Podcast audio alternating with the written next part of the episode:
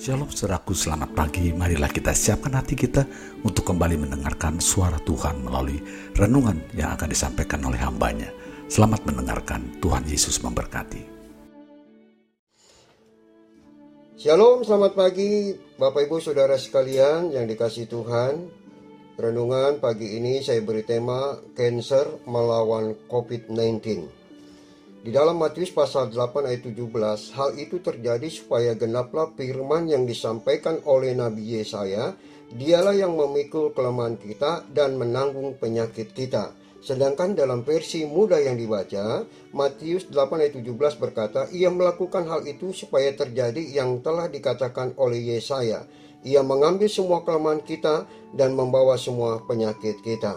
Bapak Ibu Saudara sekalian, kalau seseorang yang mengalami yang namanya sakit kanker, orang tersebut akan tergoncang jiwanya, bahkan seluruh keluarga juga ikut tergoncang jiwa mereka. Karena apa? Karena kita tahu sakit kanker itu sangat menakutkan pada saat itu, dan karena antara hidup dan mati akan terjadi bagi mereka yang mengalami kanker tersebut. Kalau zaman dulu Bapak Ibu Saudara, sakit kanker itu belum ada obatnya dan kematian siap menjemputnya. Kalau zaman sekarang sakit kanker dapat diobati karena semua para dokter dan tim medis serta profesor sudah dapat menangani dan menyembuhkan yang namanya sakit kanker. Di zaman sekarang ini yang namanya sakit kanker yang menakutkan itu hampir hilang pemberitaannya. Kenapa?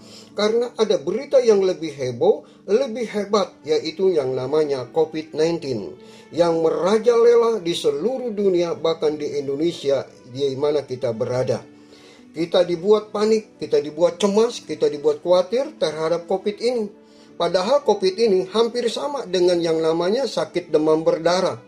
Dulu sakit demam berdarah juga heboh. Kalau ada yang sakit demam berdarah, kita juga mengalami ketakutan. Kenapa? Sebab akan mengalami sebuah kematian.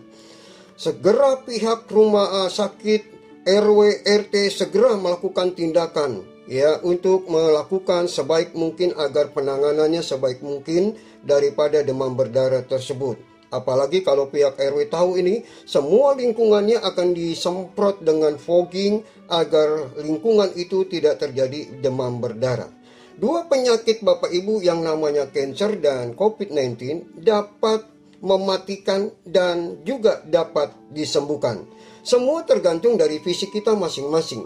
Satu hal yang perlu diketahui Bapak Ibu Saudara, semua yang kita alami itu dapat disembuhkan oleh kuasa dan bilur-bilurnya Yesus.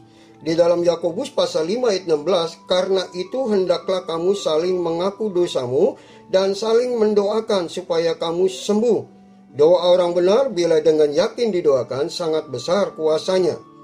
Di dalam Yesaya 53 ayat 5 berkata, tetapi dia yang tertikam oleh karena pemberontakan kita, dia diremukkan oleh karena kejahatan kita. Ganjaran yang mendatangkan keselamatan bagi kita ditimpakan kepadanya dan oleh bilur-bilurnya kita sembuh. Nah Bapak Ibu Saudara sekalian perjuangan kanker dan perjuangan COVID-19 dalam sebuah pertandingan itu telah dimenangkan oleh Yesus Kristus yang mati di kayu salib untuk dosa-dosa kita semua.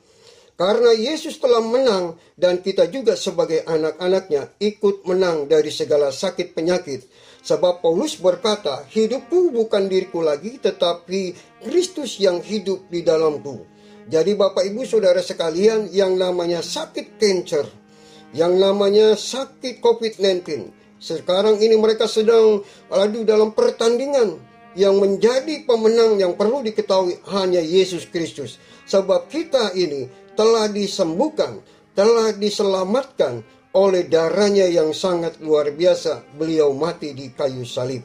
Maka dari itu Bapak Ibu Saudara sekalian, biarlah pertandingan cancer dan COVID yang terus berjuang. Ingat sekali lagi, kita akan menjadi pemenang karena Yesus yang sudah memberikan kemenangan itu buat kita semuanya. Sungguh luar biasa oleh kuasanya, oleh darahnya. Sakit yang menakutkan, sakit yang mengerikan itu dapat disembuhkan kalau kita terus memiliki keyakinan bahwa hidup kita ini bukan diri kita lagi, tapi Kristus yang diam itu akan membuat kita menjadi seorang pemenang. Sungguh luar biasa Bapak Ibu Saudara dan biarlah kita mau, biarlah kita mengerti, janganlah kita terus terintimidasi dengan yang namanya COVID-19 dan kanker yang terjadi yang saat ini sedang dialami oleh setiap manusia. Dan ingatlah bahwa Yesus yang bisa menyembuhkan dan membuat Yesus itu menjadikan kita seorang pemenang yang membuat kita menjadi luar biasa. Puji nama Tuhan, demikianlah renungan ini saya sampaikan pagi ini buat Bapak Ibu Saudara sekalian. Kiranya Tuhan Yesus memberkati. Bapak hamba berdoa biarlah sebuah seluruh jemaat Tuhan maupun yang sedang mendengarkan Tuhan, kiranya Engkau tolong buat mereka yang sedang mengalami sakit kanker maupun sakit COVID-19 Tuhan yang mereka sedang alami. Ingat Tuhan, biarlah Engkau yang boleh menyembuhkan, boleh memulihkan dan kuasa Tuhan bekerja buat mereka semua yang dalam keadaan fisik yang lemah, dalam keadaan sakit. Di dalam nama Yesus, kesembuhan terjadi buat semuanya. Haleluya. Amin. Terpujilah Allah Bapa, Tuhan kita Yesus Kristus, dan Roh Kudus yang telah mengaruniakan kepada kita segala berkat jasmani dan berkat rohani. Hidup kita akan selalu diberkati hari lepas hari, tidak turun tapi selalu naik, tidak jadi ekor tetapi selalu jadi kepala. Sampai jumpa esok hari, Tuhan memberkati.